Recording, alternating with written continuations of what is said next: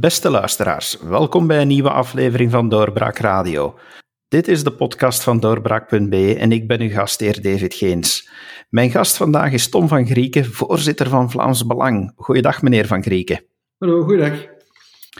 Meneer Van Grieken, er is de laatste weken heel wat terreur geweest, spijtig genoeg. De aanslag op de leerkracht. We hebben in Nis uh, de aanslagen gezien. We hebben nu recent ook in Wenen aanslagen gezien. Ik kan me toch wel inbeelden dat dat bij u ook enige reactie losmaakt.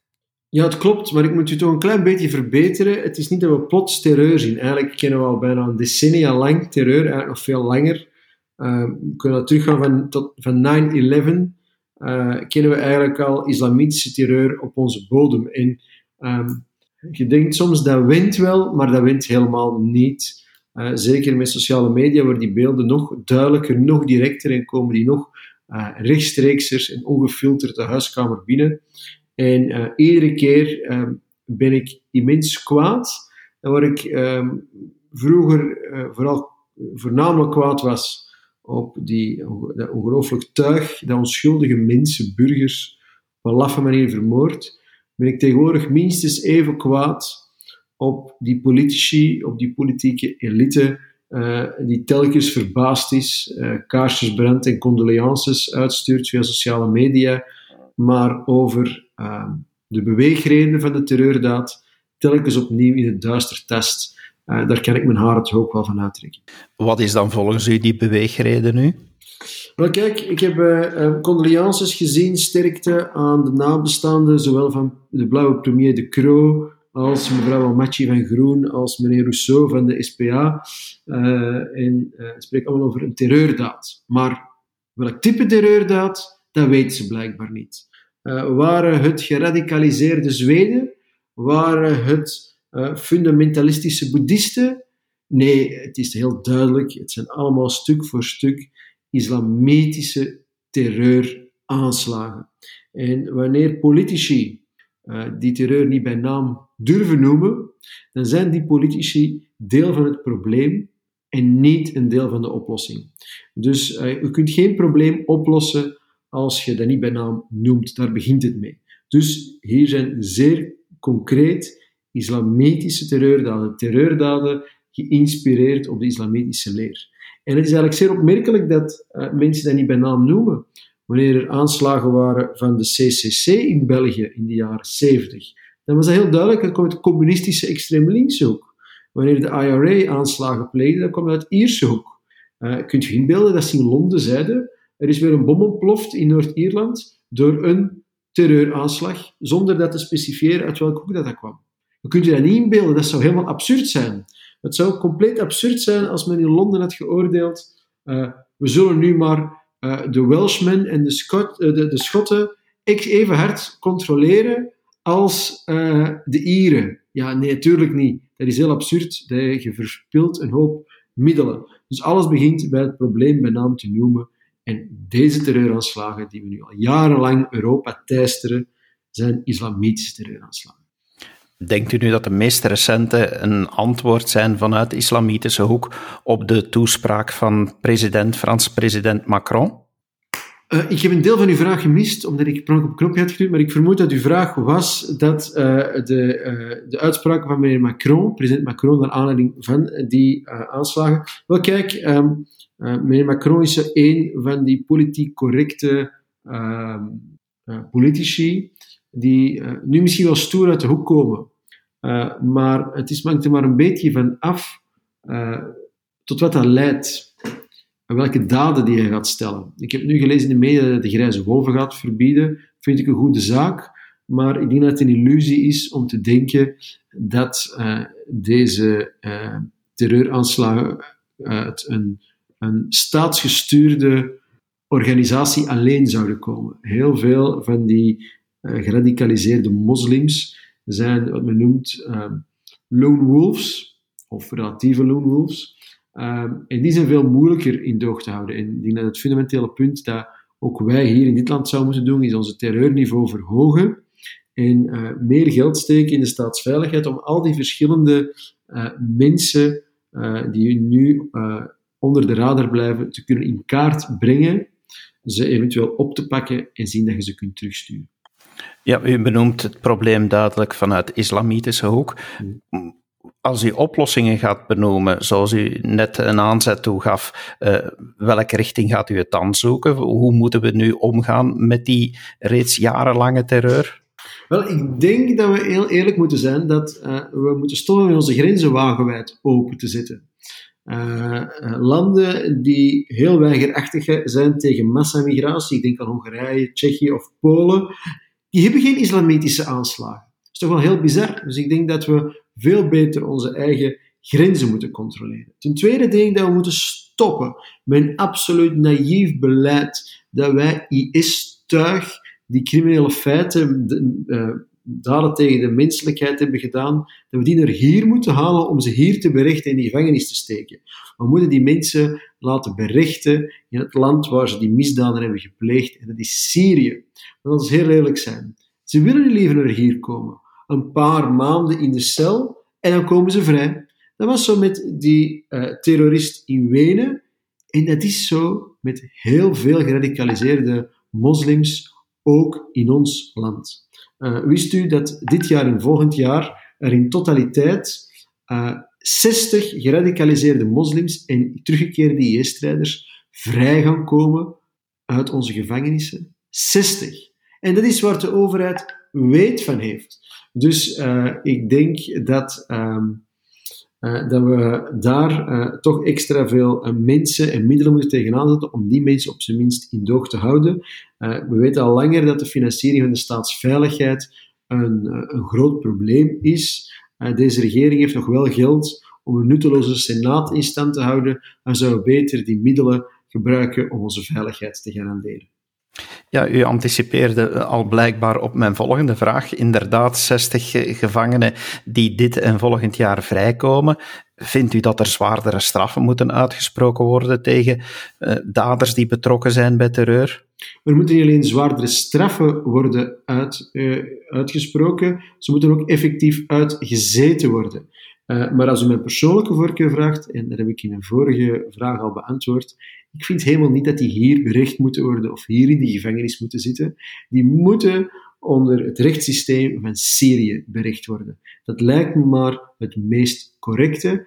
En ik denk dat het uh, juridisch apparaat iets minder medelijden toont en iets meer efficiënt is, waardoor er geen recidive meer zouden zijn.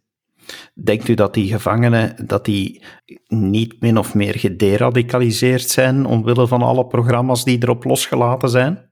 Maar niets wijst erop.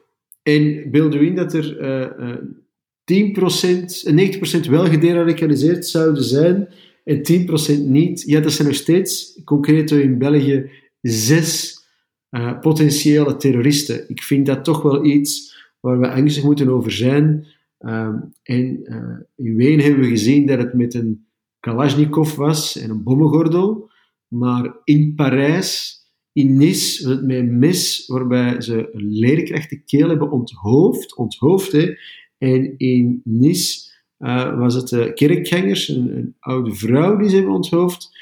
En uh, een moeder, een Afrikaanse moeder, die hebben neergestoken, die laatste woorden waren, zegt tegen mijn kinderen dat ik van hun hou. Dus met een eenvoudig mes kun je de meest gruweldaden al plegen. Dus uh, ik ben helemaal um, niet, uh, niet hoopvol dat zij echt gaan deradicaliseren. Er moeten meer middelen gaan naar staatsveiligheid. Wat verwacht u dan dat de staatsveiligheid met die meer middelen gaat doen? Ze moeten meer mensen kunnen aannemen en ik verwacht ook dat ze de juiste prioriteiten stellen. Als we nu heel eerlijk zijn, de grootste dreiging op dit moment in de afgelopen tien jaar is de strijd tegen islamterreur. Ik vind trouwens dat de staatsveiligheid alles in doog moet houden dat potentieel geweld of terreur op ons grondgebied uh, zou kunnen plegen. Maar het politieke spel dat momenteel gespeeld wordt door de staatsveiligheid, dat op een even hoge prioriteit extreem rechtsterrorisme zou staan, dat is toch gewoon belachelijk. Dat is een politiek spel en een verspilling van publieke middelen en, uh, en manschappen. Dus ik denk dat dat het is. De staatsveiligheid moet zich concentreren op wat echt belangrijk is en op wat het grote gevaar is. En er is vandaag de dag in ons land, maar in de rest van Europa, islamterreur. Vindt u dat minister Wilmes en de, daarbij horende diplomatie in de desbetreffende landen moet reageren op het feit dat ze nu oproepen tot bijvoorbeeld een boycott van Frankrijk en echt wel uh, ja, opkomen tegen de waarden waar wij voor staan in Europa? Ja, maar ik denk gewoon dat we niet beroep moeten doen op, uh, op diplomatie. Wij zijn uh, als Europa een triestige militaire macht. Iedereen lacht met ons, maar we zijn wel een economische macht. Het is tijd om zelf de boycott op te voeren. Uh, laten we maar uh, Turkije bijvoorbeeld eens uit de douane-unie met de Europese Unie gooien als Erdogan uh, zo uithaalt naar Frankrijk. Laten eens stoppen met de islam hier te financieren. Ik denk dat er wel enkele mogelijkheden zijn waardoor we bepaalde islamitische landen heel hard kunnen treffen. Vindt u dat er nog ja, meer nood is om op Vlaams niveau zaken te gaan organiseren? Kan Vlaanderen zelf meer doen zonder het federale niveau?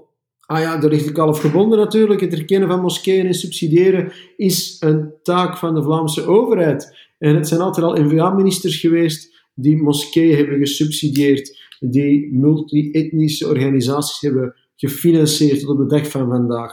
Uh, zij kunnen wel iets doen. Uh, maar uh, wat, ze zelf, ze zelf, doen, doen ze blijkbaar niet beter. Integendeel, ze zijn in hetzelfde bedje ziek.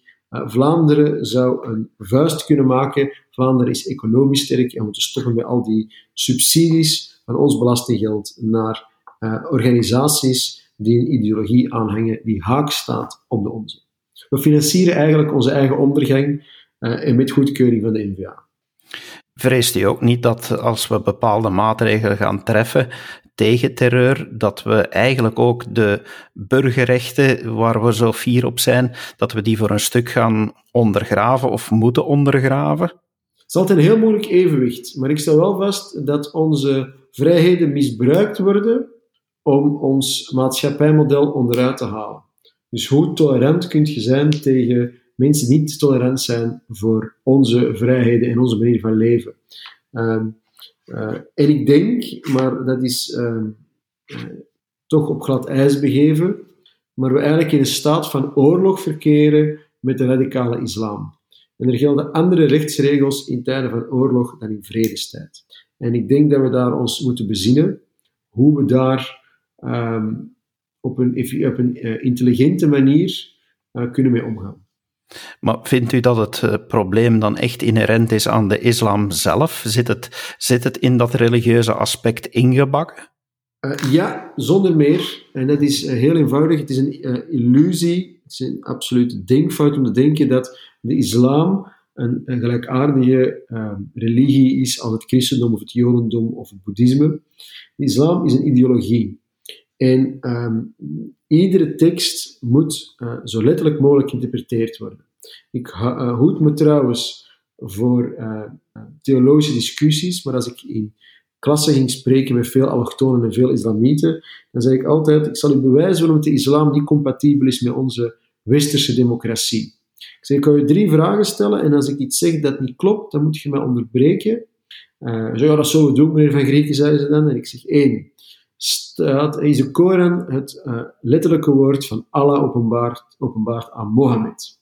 Ja, dat klopt. Ik zeg twee, uh, moogt jij als eenvoudige moslim dat letterlijke woord van Allah zo interpreteren? Allah zegt wel zwart, maar ik interpreteer dat als wit. Dan mogen moslims niet. Het letterlijke woord is het letterlijke woord dat je naar de letter moet leven. Ik zeg, kijk, als we nu in een democratie een wet stemmen die het omgekeerde zegt wat Allah heeft openbaard aan Mohammed, moet jij dan als eenvoudige gematigde moslim volgen? Onze westerse wet of het letterlijke woord van Allah? En daar antwoordt bijna 99% van alle moslims op het letterlijke woord van Allah. En als je die Koran letterlijk leest, dan staan daar de meest gruweldaden in wat je mocht doen tegen ongelovigen, uh, waarom je mensen mocht onthoofden en dergelijke meer. Dat, zijn, uh, dat is nu net waar het inherent fout aan zit. Het is een illusie om te denken dat er een Europese islam zal zijn die zich schikt naar onze westerse vrijheden. Dat is een illusie. Uh, je zou de islam zelf moeten hervormen, maar dat is niet iets wat wij moeten doen, dat moeten gelovigen zelf doen. En alle pogingen die in de islamitische wereld de afgelopen eeuwen zijn gebeurd om de islam intern te, te hervormen, zijn allemaal niet goed afgelopen door andere radicale moslims die die hervormende moslims allemaal een kopje kleiner hebben. Maar er zijn nu toch ook imams die deze aanslagen veroordelen en die zeggen: dit hoort niet thuis in ons geloof. Zijn er dat te weinig eh, volgens u? Het zijn er veel te weinig en het is maar de vraag uh, wanneer zij geconfronteerd worden door een letterlijke quote uit de Koran. Bijvoorbeeld uh, op afvalligheid, de islam afvallen, staat de doodstraf. Dat staat er letterlijk in. Hoe interpreteert je dat anders?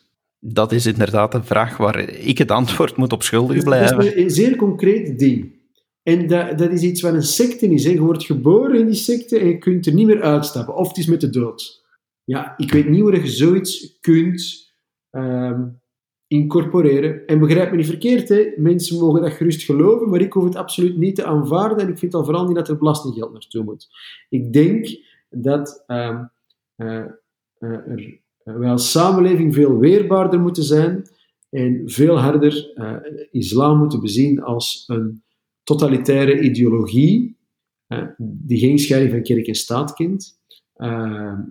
en dat we er veel kritisch moeten tegenover staan en niet zo tolerant mogen over zijn. Dank u voor uw toelichting eh, bij dit punt. Ik ga als afsluiter nog eh, één andere vraag stellen, omdat ik weet dat het u ook persoonlijk enorm interesseert en dat u uh, enige nachtelijke uren hebt eraan gespendeerd. Wat vindt u van de verkiezingen in Amerika? Ik vond ze buitengewoon boeiend en spannend. Ik heb heel de nacht opgebleven, dus misschien hoort het wel aan mijn stem. Ik ben heel, heel moe, maar ik ben weer blij dat ik het op, zo op de voet heb kunnen volgen. Joe Biden is de kandidaat die de beste kaarten had, het meeste geld had, het establishment achter zich had, Silicon Valley achter zich had, alle media in binnen- en buitenland achter zich had en naar alle waarschijnlijkheid uh, nu nipt deze verkiezingen zal winnen tegenover Trump, die eigenlijk alleen maar de bevolking achter zich had. Ik had graag president Trump nog vier jaar extra zien uh, zitten in het Witte Huis, in de Oval Office. Um, maar ja, het heeft niet mogen zijn. Ik vond zijn parcours op corona na, wat desastreus was, een zeer goed parcours. Hij heeft geen enkele nieuwe oorlog gestart. Hij heeft troepen teruggetrokken. Hij had een zeer goed uh, palmarès in zaken werkloosheid en economische relance. Hij heeft een deel van de muur verder beginnen bouwen en illegale immigratie aangepakt. Hij heeft al zijn beloften, uh, promise made, promise kept, heel veel beloftes nagekomen. Dus uh, in alle objectiviteit had president Trump een heel goed parcours afgelegd tot corona kwam en hij um, toch wel een opmerkelijk um, discours heeft aan de dag gelegd. Maar ik denk dat hij op het einde van de rit hem wel wat parten heeft gespeeld. Zeker omdat het nu zo'n close call was. Uh, nu dat gezegd zijnde, ik wil de hypocrisie van de media toch wel daarover aanstippen. Wanneer er heel veel coronadoden zijn in Amerika, dan komt dat door het beleid van Trump. Wanneer wij in België per hoofd meer doden hebben voor corona, dan komt dat niet door het beleid, maar dan komt dat door de mensen zelf. Uh, als uh, journalisten even kritisch zouden zijn over het coronabeleid in België als in Amerika, dan denk ik dat er heel veel mensenlevens hadden gered kunnen worden. Maar ik wijk een beetje af. De vraag is, ik vind het sneu ik had het, dat Trump heeft verloren. Ik had Trump nog eens vier jaar gegund. Het had niet mogen zijn. Het was een strijd van David tegen Goliath, de president van het volk tegen de president van het establishment, de mainstream media en Silicon Valley. Meneer Van Grieken, dank u wel voor uw toelichting en uh, we wensen u voor vannacht alleszins al een goede nachtrust toe. Dank je wel, hartelijk dank. En u, beste luisteraar, dank u wel dat u meegeluisterd hebt en heel graag tot een volgende keer. Dag. Dit was een episode van Doorbraak Radio, de podcast van doorbraak.be. Volg onze podcast op doorbraak.be/slash radio of via Apple Podcasts, Overcast of Spotify. Bezoek ook onze website op doorbraak.be en steun ons door een vriend te worden van Doorbraak.